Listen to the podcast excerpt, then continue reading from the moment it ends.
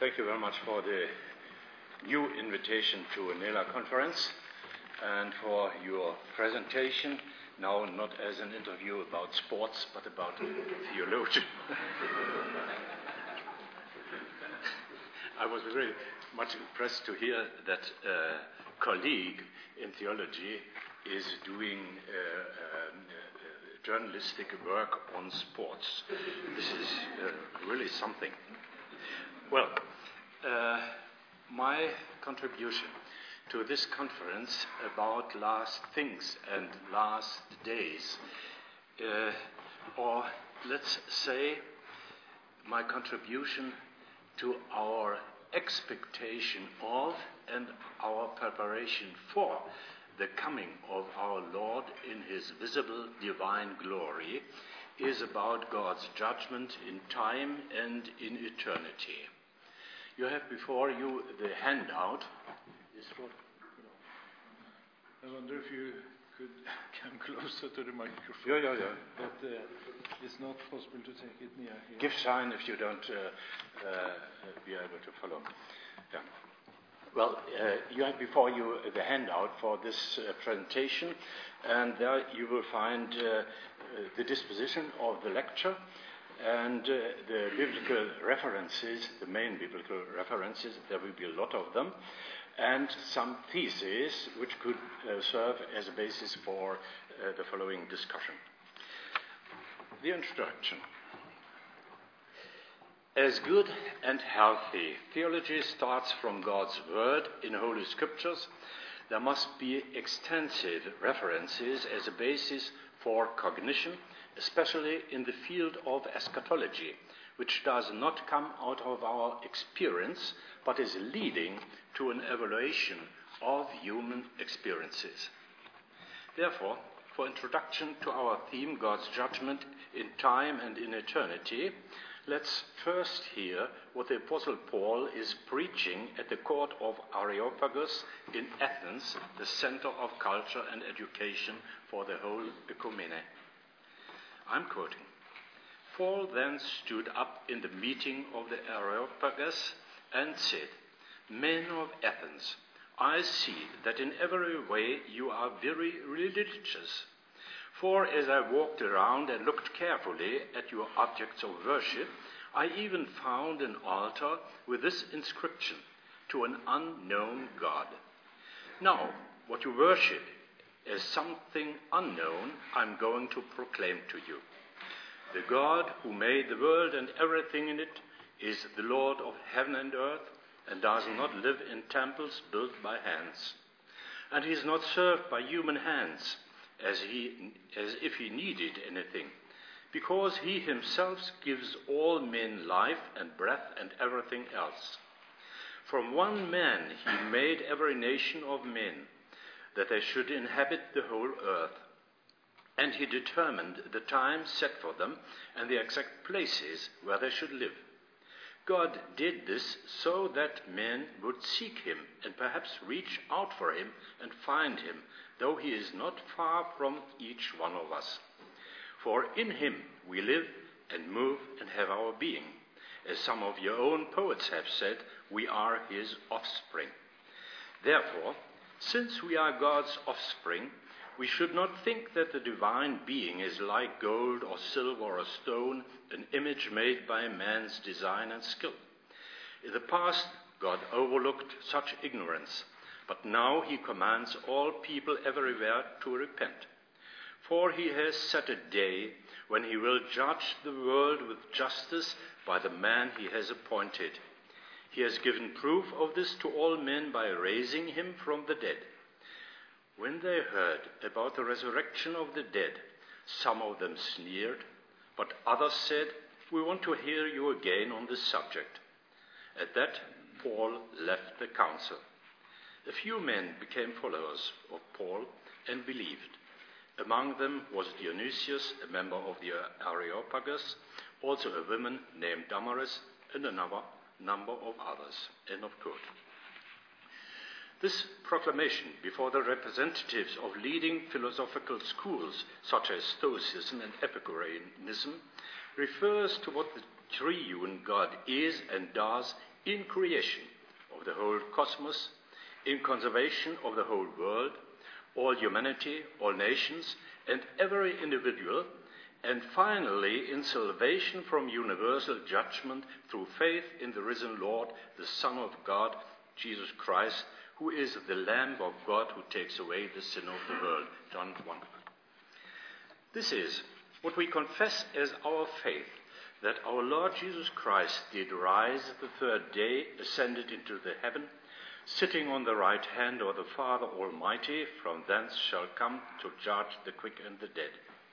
Out of this we receive as the gift of the Holy Spirit forgiveness of sins and life everlasting.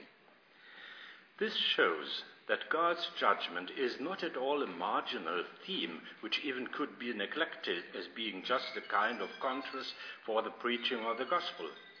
On the contrary, this is the central point of what is revealed in God's word by the prophets in the Old Testament as well as in the New Testament by Jesus Christ himself and his apostles. The triune God is judge and he is judging in creation and history until the end of this time and world.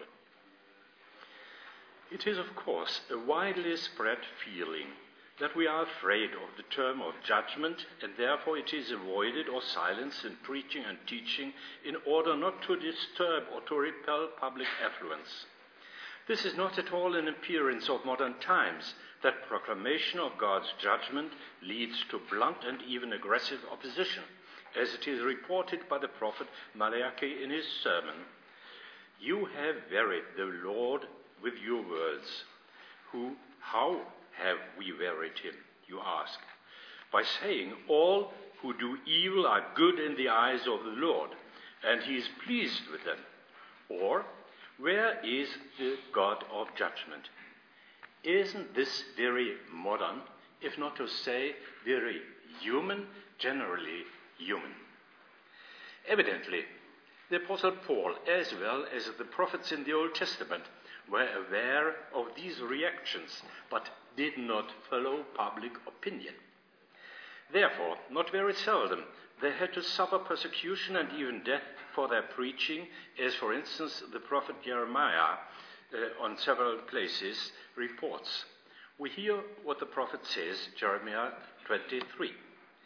This is what the Lord Almighty says. Do not listen to what the prophets are prophesying you. They fill you with false hopes. They speak visions from their own minds, not from the mouth of the Lord. They keep saying to those who despise me, The Lord says, You will have peace. And to all who follow the stubbornness of their hearts, they say, No harm will come to you. But which of them has stood in the counsel of the Lord to see or to hear his word? Who has listened and heard his word? See, the storm of the Lord will burst out in wrath, a whirlwind swirling down on the heads of the wicked. The angel of the Lord will not turn back until he fully accomplishes the purposes of his heart. In days to come, you will understand it clearly. It clearly. I did not send these prophets, yet they have run with a message. I did not speak to them, yet they have prophesied. But if they had stood in my counsel, they would have proclaimed my words to my people and would have turned them from their evil ways and from their evil deeds. Am I only a God nearby, declares the Lord, and not a God far away? Can anyone, uh, anyone hide in secret places so that I cannot see him, declares the Lord? Do not I fill heaven and earth, declares the Lord? I have heard what the prophets say who prophesy lies in my name. They say, I had a dream, I had a dream. How long will this continue in the hearts of these lying prophets who prophesy the delusions of their own minds? They think the dreams they tell one another will make my people forget my name, just as their fathers forgot my name through Baal worship. Let the prophet who has a dream tell his dream. But let the one who has my word speak it faithfully, for what has straw to do with grain, declares the Lord. Is not my word like fire, declares the Lord, and like a hammer that breaks a rock in pieces? Therefore, declares the Lord, I am against the prophets who steal from one another words supposedly from me. Yes, declares the Lord, I am against the prophets who wag their own tongues and yet declare, The Lord declares. Indeed, I am against those who prophesy false dreams, declares the Lord. They tell them and lead my people astray with their reckless lies. Yet I did not send or appoint them. They do not benefit these people in the least, declares the Lord.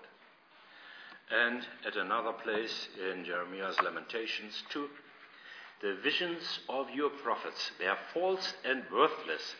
They did not expose your sin to ward off your captivity. The oracles they gave you were false and misleading. From this we see, you have the thesis first, judgment is not at all punishment only, but salvation from punishment through repentance. Second, if judgment is not preached and taught according, uh, according to God's word, this is already God's punishment in action. First, for those who are commissioned to preach God's word with the respons- responsibility of the watchman. As a consequence, the good news of salvation from God's judgment will be senseless because, second, judge, uh, third, judgment does not bring about not only punishment, but it brings reward also, as we hear it in the sermon of our Lord on the Mount.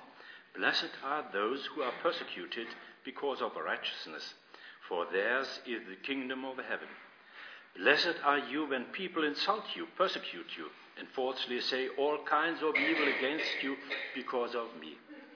Rejoice and be glad, because great is your reward in heaven. For in the same way they persecuted the prophets who were before you. Matthew 5.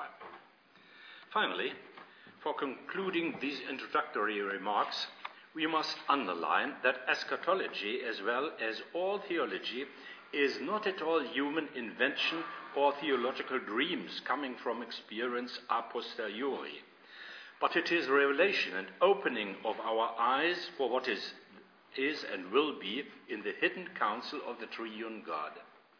In this way, Holy Scriptures are the Word of God and the a priori to get hold of what the situation of humanity and the whole world, the whole cosmos, is in past, in present, and in future. This is not at all Christian subjectivity, but it is the ontological and therefore also intellectual basis for all worldview, Weltanschauung, in Christian responsibility for this fallen world.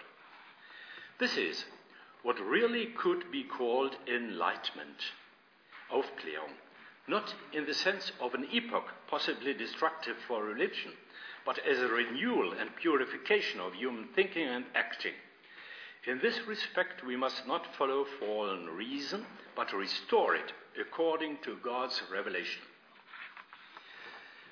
Now, first point conscience and universal judgment.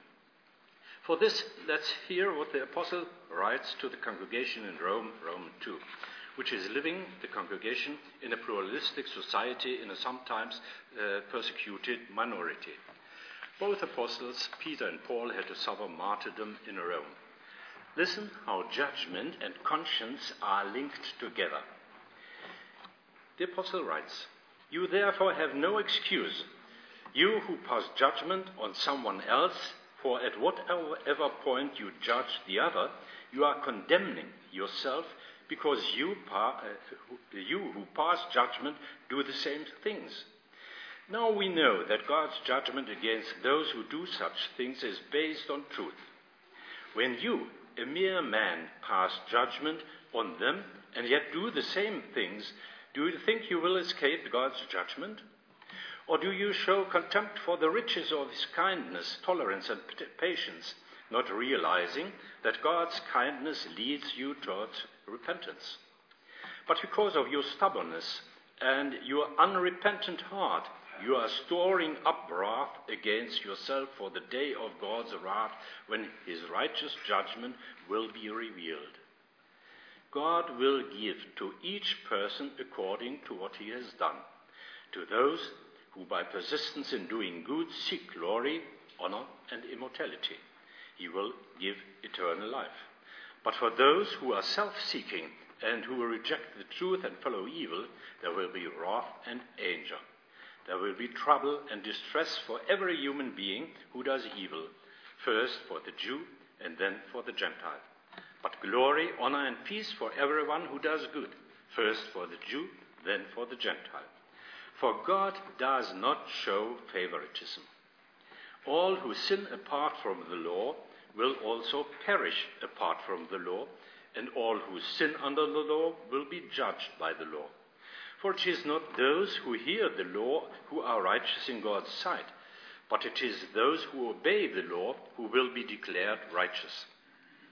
Indeed, when Gentiles who do not have the law do by nature things required by the law, they are law for themselves, even though they do not have the law, since they show that the requirements of the law are written on their hearts, their consciences also bearing witness, and their thoughts now accusing, now even defending them. This will take place on the day when God will judge men's secrets through Jesus Christ, as my gospel declares. To start with the vocabulary, we see that conscience, syneidesis, heart, cardia, and thinking, logismoi, are synonymous. Conscience is the Greek term Syneidesis, heart, cardia, is the Hebrew term lev. This shows that conscience is not only a kind of moral instance. Heart, as a physical organ, provides blood circulation, and this is the center of life. As a psychic organ, it causes emotions and reacts upon emotion. From experience, we all know how these two eh, aspects are connected with each other and what suffering of the heart in the psychic and physical way can be. Thinking, logismoi, means all kind of intelligence, reflection, and conclusion in the order of law and logics. God's word shows us that faith also is connected with this elementary human constituency, as we read in 1 Timothy 1. The goal of this command is love, which comes from a pure heart and a good conscience and a sincere faith. Therefore, faith is not a separated possibility or impossibility in human mind, but together with heart and conscience, it is the center of human life and at the same time the intermediate of the relation between God and man. All intelligence and feeling is included in this God created entity of men. As for faith, it is not a question whether you have it or have it not, but whether it's true or false faith. Or, as Luther puts it in his exposition to the first commandment in the large catechism, it is not the question if God is, but rather who or what is your or my God, on what you rely and uh, of what you are afraid. This relation is rooted in the creation of the first human couple, and we learn how conscience is awakened and original freedom lost through sinfall. God's prohibition you must not offers to Adam the choice either to follow or to refuse the will of God. This is the state of human liberty um, and free will. After the transgression of God's commandment, the eyes are opened, and the both, in fulfillment of the serpent's promise, become aware of their nakedness and of the difference between good and evil. They hide themselves before each other and before God. With this, the warning also becomes true. You are free to eat from any tree in the garden, but you must not eat from the tree of the knowledge of good and evil, for when you eat of it, you will surely die. This is what the apostle Paul says, Romans 6:23, for the wages of sin is death, but the gift of God is eternal life in Christ Jesus our Lord. So death is not at all a natural, though inescapable event, but in the light of God's word, it is punishment for all mankind after Adam and Eve. And conscience is the meeting place between God and man, even if we refuse to recognize and to accept this. This is the ontological situation of all humanity as revealed through God's Word. This must have practical consequences for teaching, preaching, and soul caring. If we only concentrate on the relations between the Christian church and a presumably secular society, or between past and present in the history of human thinking, we will not be aware of this situation because our eyes are not open for the reality of the activity of the triune God in nature and humanity, in history and society. This is what the Apostle Paul says. For although, Romans 1, for although they knew God, they neither glorified him as God nor gave thanks to him, but their thinking became futile and their foolish hearts were darkened. Although they claimed to be wise, they became fools. Recognition of God is not done in theoretical convictions and emotional feelings or theological theories, but in worship and prayer. Second, law and gospel to bind and to retain. By the way, to continue with the text about the sinfall of humanity, it is very interesting to see. If you ponder the hermeneutical discussion between Eve and the serpent, you will easily find uh, that the serpent is changing God's permission, you may eat from all trees, into a prohibition, you must not eat.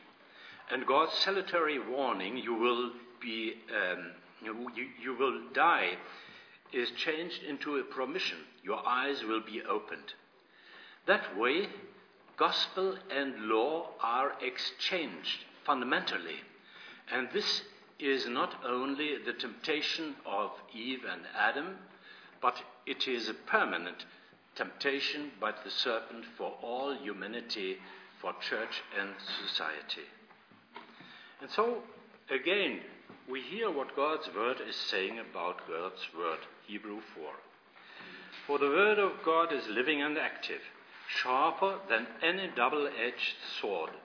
It penetrates even to dividing soul and spirit joints and marrow. It judges the thoughts and attitudes of the heart. Nothing in all creation is hidden from, hidden from God's sight.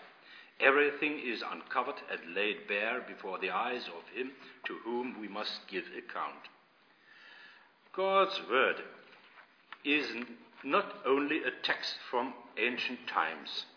According to Old and New Testament, God's Word is active. It is the way how God reveals himself to his chosen people, not in the image of created things, but through sound and writ. As it is said in Deuteronomy 4, then the Lord spoke to you out of the fire. You heard the sound of words, but saw no form. There was only a voice. He declared to you his covenant, the Ten Commandments, which he commanded you to follow and then wrote them on two stone tablets. The whole cosmos was created and still is preserved through God's word. Genesis 1 and 2 Peter uh, 3.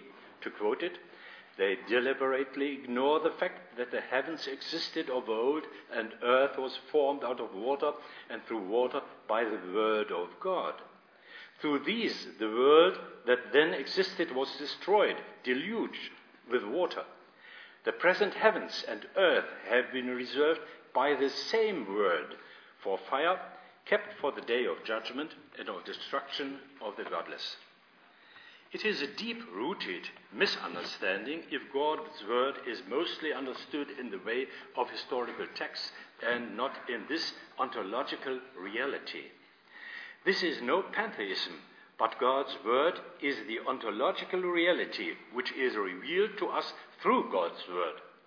If this seems to be a logical circle, circulus vitiosus, we must know that this exactly is what in logics is called a primum principium. That is a principle about which cannot be discussion, but only disjunction in the way of an either or or yes or no alternative.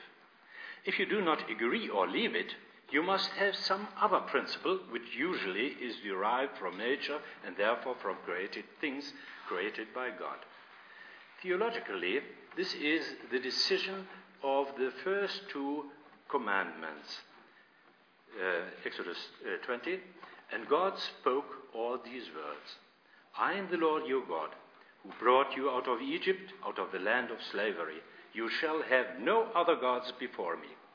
You shall not make yourself an idol on the form of anything in heaven above or on earth beneath or in the waters below. You shall not bow down to them or worship them, for I, the Lord your God, am a jealous God, punishing the children for the sin of the fathers to the third and fourth generation of those who hate me, but showing love to a thousand generations of those who love me and keep my commandments. This shows in which way these divine commandments are decisive for our worldview, not in theory only, but for the well being of humanity through generations. The question, however, is whether we really believe in the existence of the triune God or whether we take him just for approaches of human uh, theological thinking, of so called theologies, of feeling and experience. Existence of God means he exists outside from us, even if he is not recognized and adored. And he is not in our mind and imagination only, but outside from us. And he is judge and, he is, uh, and is judging. Uh, Hebrew 11. And without faith, it is impossible to please God, because anyone who comes to him must believe that he exists outside from us, from us and that he rewards those who earnestly seek him. In theology and church, we mostly are occupied to solve the so called hermeneutical question, which is about the translation of texts from past times to modern situation and understanding.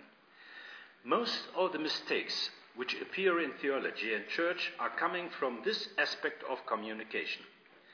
But this leads inevitably to an exchange of subjects from the person of God to human subjectivity. In consequence of this, the recognition of God's activity in His Word through law and gospel, through the killing letter and the life giving spirit, 2 Corinthians 3, is neglected, even not understood. For us, this is the new covenant promised in the Old Covenant or Testament and fulfilled in the New Covenant and Testament in the outpouring of the Holy Spirit. This is about events in human history, visible in the appearance, worldwide spreading, and wonderful preservation of the Christian Church. It is about events in human hearts that they are enlightened as a new creation. 2 Corinthians 4 For God, who said, Let light shine out of darkness, made his light shine in our hearts to give us the light of the knowledge of the glory of God in the face, in the face of Christ. If we circulate around the problems of transmission of biblical texts to modern men, are we still aware of the fact that the triune God Himself is acting through His Spirit in word and sacrament? Are we aware of the fact that all this doesn't refer to certain religious experiences, but to the physical, the psychic, and the intellectual entity of mankind? And that He Himself gives faith where and when it pleases to Him. Augsburg Confession 5 and Small uh, Catechism, the explanation for the third article. The aim of preaching, teaching, and soul caring is not just to make understanding and assent possible, but to save souls of men who, after sinful, are under the power of sin, devil, and death from punishment and eternal death, to restore the image of God in them through Jesus Christ. This is the battlefield between God and devil, between the flesh of sin and the Spirit of God, Romans 7, in every one of us. What happens through the apostolic service in time has its consequences and its relevance for eternity. This refers to the apostolic authority to forgive and to retain sins. John 20 and the parallels receive the Holy Spirit. If you forgive anyone his sins, they are forgiven. If you do not forgive them, they are not forgiven. It refers also to this decision between confession, denial, or being ashamed. Uh, Matthew 10 and the parallels. Whoever confesses me before men, I will also confess him before my Father in heaven. But whoever denies me before men, I will deny him before my Father in heaven. And last not least, this happens in preaching. Luke 10 He who listens to you listens to me. He who rejects you rejects me. But he who rejects me rejects him who sent me. All this is God's judgment in time for eternity. This happens also in and through baptism, as the Lord says, Whoever believes and is baptized will be saved, but whoever does not believe will be condemned. Mark 16:16. 16. All this is quite clear from scriptures. But perhaps in our service we are afraid of this and try to avoid this clearness and to cover it with our own ideas, dreams, and problems, which are not based upon God's work, word and the authority and the activity of the Holy Spirit, but upon, upon our own feelings, desires, experiences, and even fears. Maybe we hide ourselves from the meeting with the living God, as Adam and Eve did or tried to do, though they couldn't escape from him. But there is a last insight to be mentioned. Proclamation of the word and administration of the sacraments always has two effects.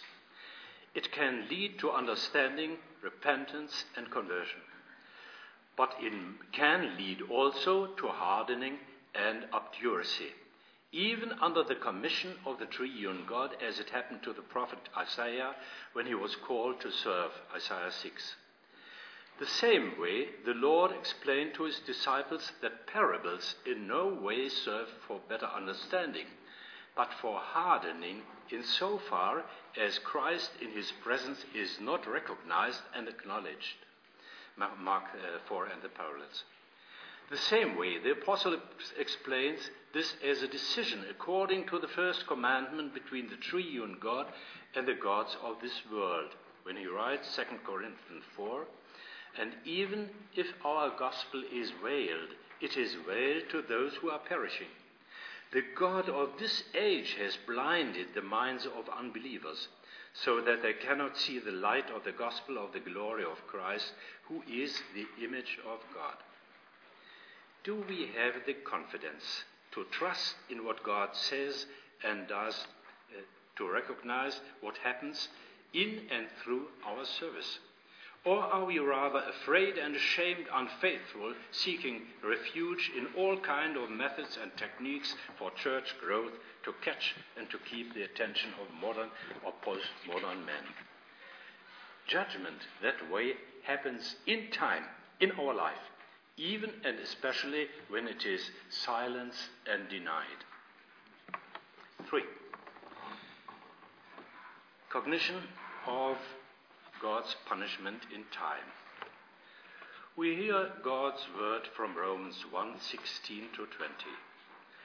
I am not ashamed of the gospel because it is the power of God for the salvation of everyone who believes, first for the Jew, then for the Gentile. For in the gospel, a righteousness from God is revealed, a righteousness that is by faith from first to last, just as it is written, the righteous will live by faith.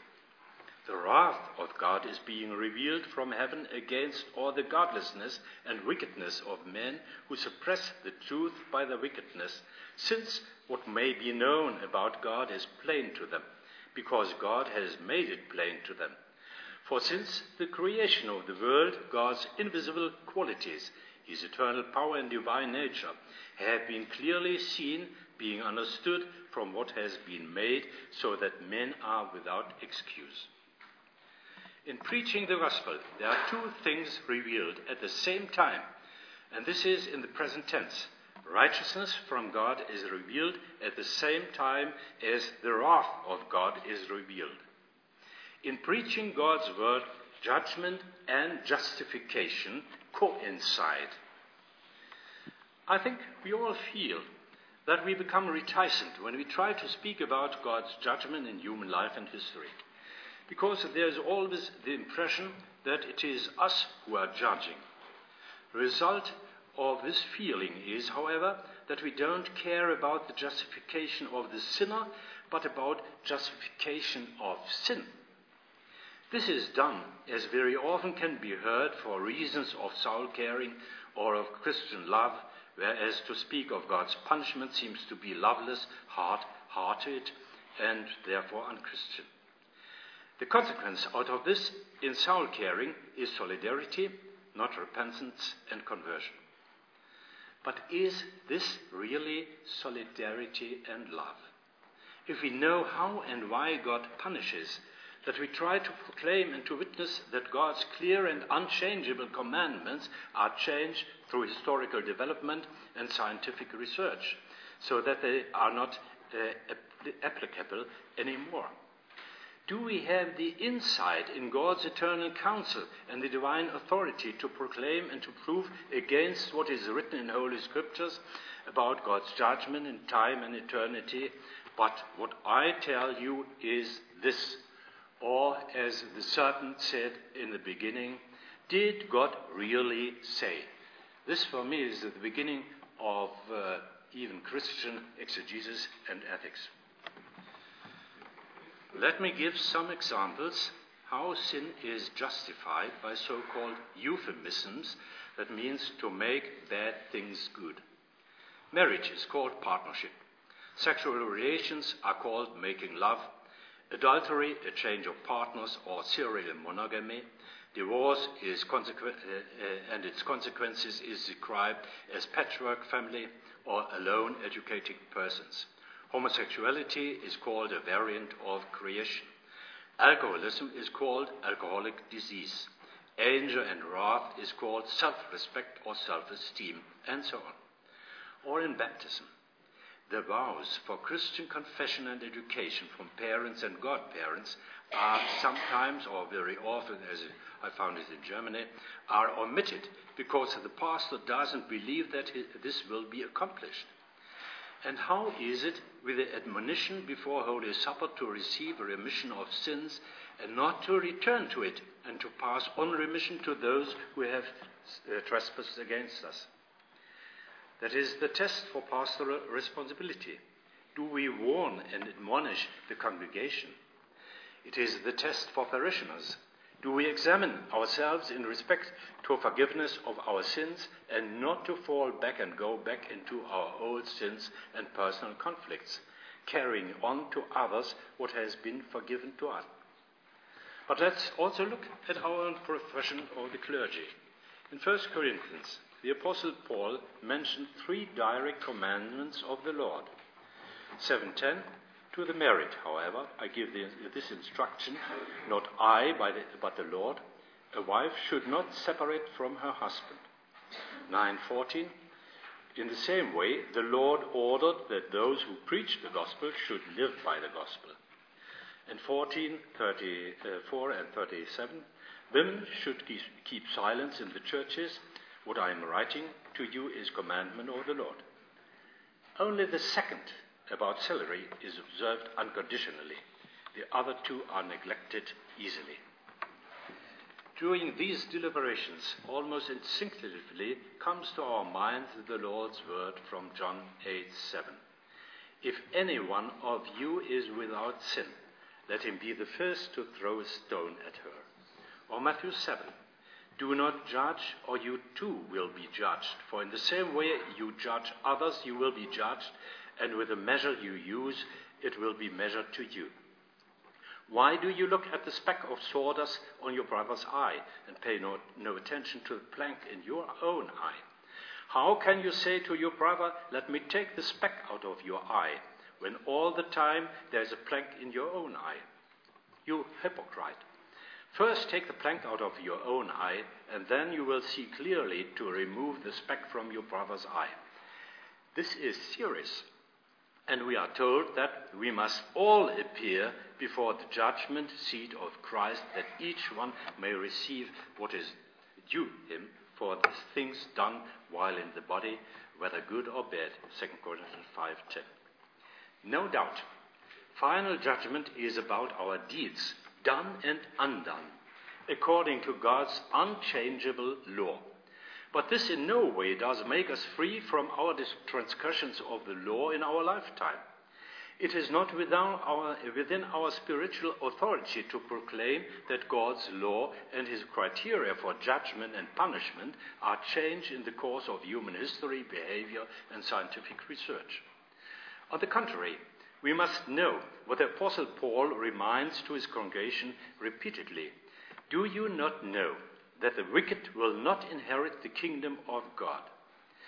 This is, to be, is this to be called Christian love if church bodies and leaders proclaim that this doesn't apply, uh, apply anymore to human behavior in modern times?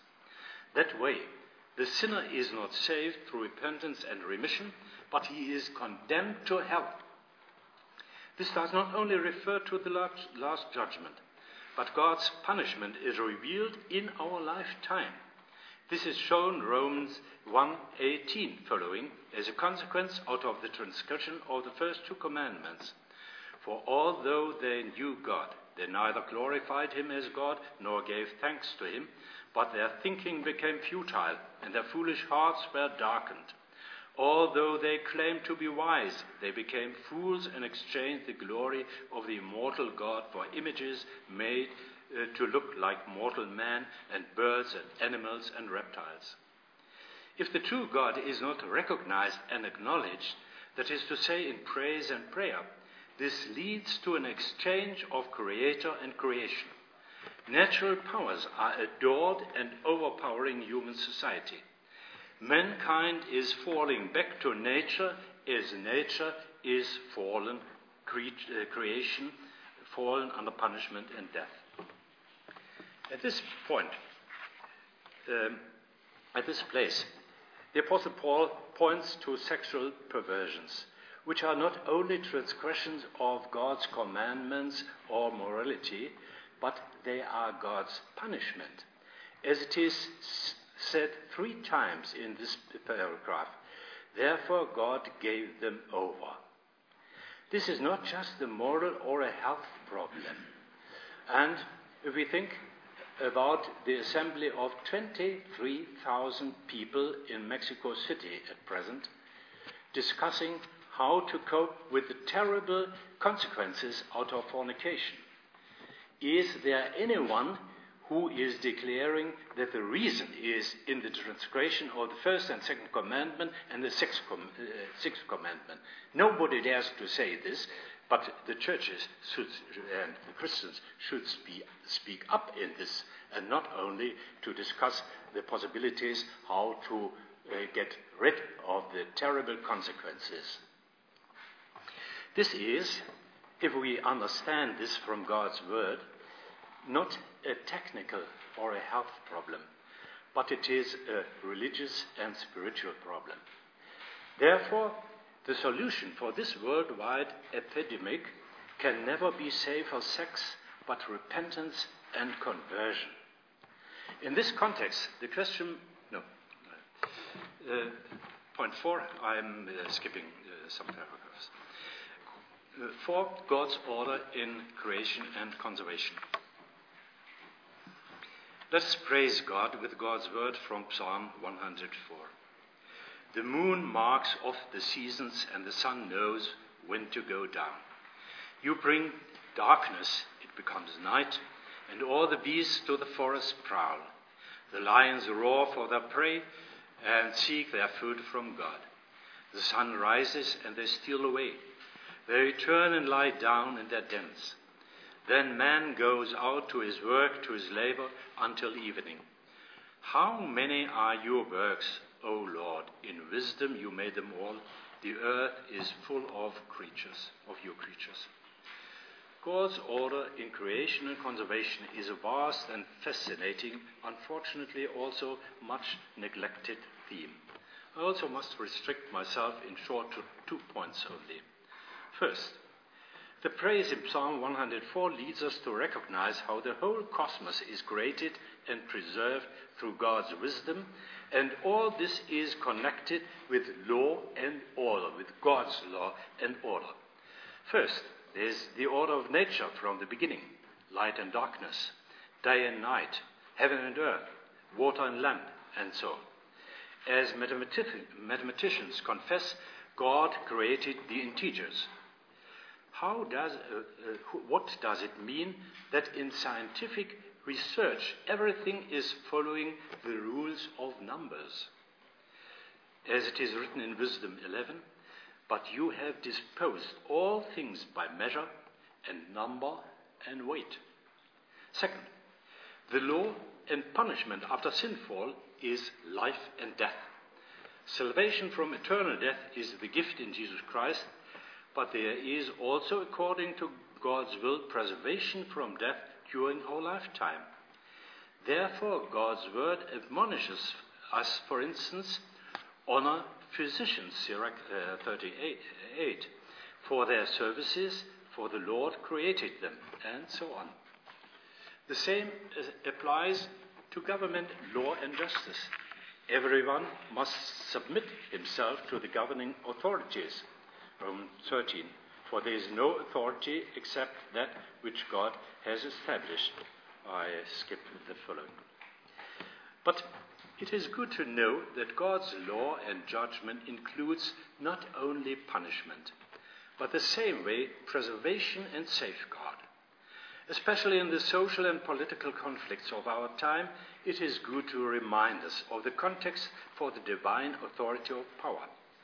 It excludes, excludes the possibility and danger of private revenge, as we read short before chapter 13 in Romans.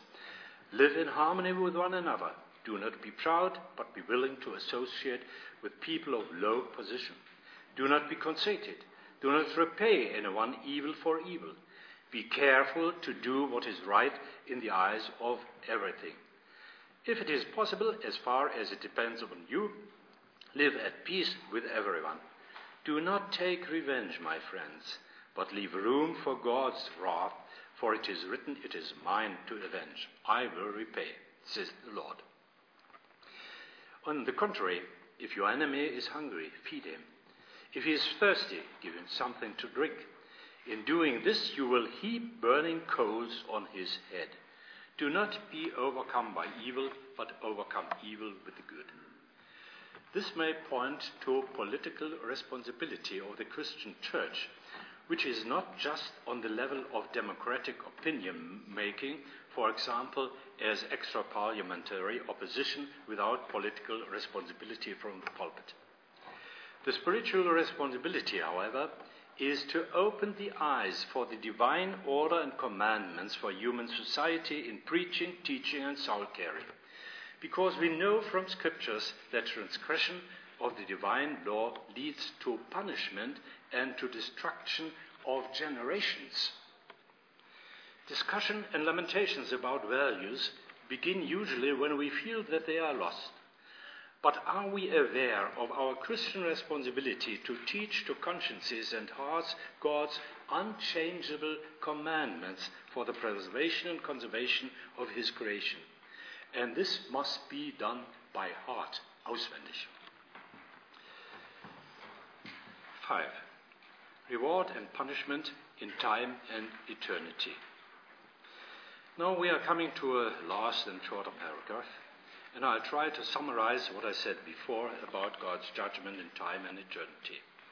First, I want to repeat and to underline the presupposition of all deliberations. This is first of all to recognize and to acknowledge that the triune God is not an idea or produce of human theological imagination, but he exists and acts even if people are not aware of this and therefore believing in other gods in the way of deification of created things, for instance, sexuality. This is the ontological basis of the whole cosmos from the beginning to the end of all things.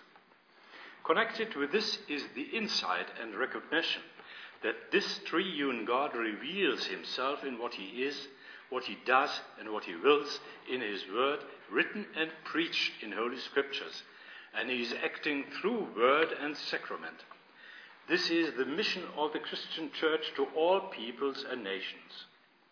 Second, these uh, presuppositions are not at all generally recognized and acknowledged in Christian theology and church, especially as we are surrounded by and occupied with a pluralistic, multi religious, and multicultural society.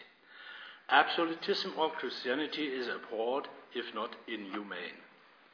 To this, I would like to refer to the undisputable fact that as Old Testament as well as New Testament writings are in a multicultural and multi religious society, which in itself is punishment for human arrogance in saying, Come, let us build ourselves a city with a tower that reaches to the heavens, so that we may make a, ni- a name for ourselves and not be scattered over the face of the whole world. Genesis 11.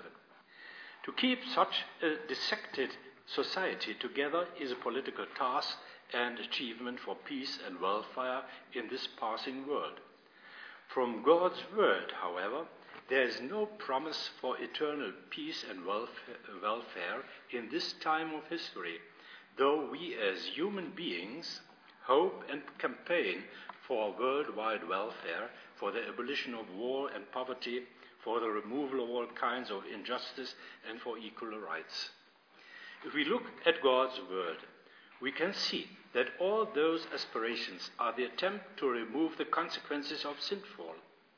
At the same time, these are the messianic temptations, stones to become bread, to overcome the force of gravity, to unify all kingdoms of the world in their glory. Matthew 4. The temptations which the Son of God suffered and got through for us. Third, all we have to keep in heart and mind to learn and to teach and to proclaim about God's judgment in time and eternity is included not in our own convictions but in Christ himself. He is John 1:36 the lamb of God who takes away the sin of the world.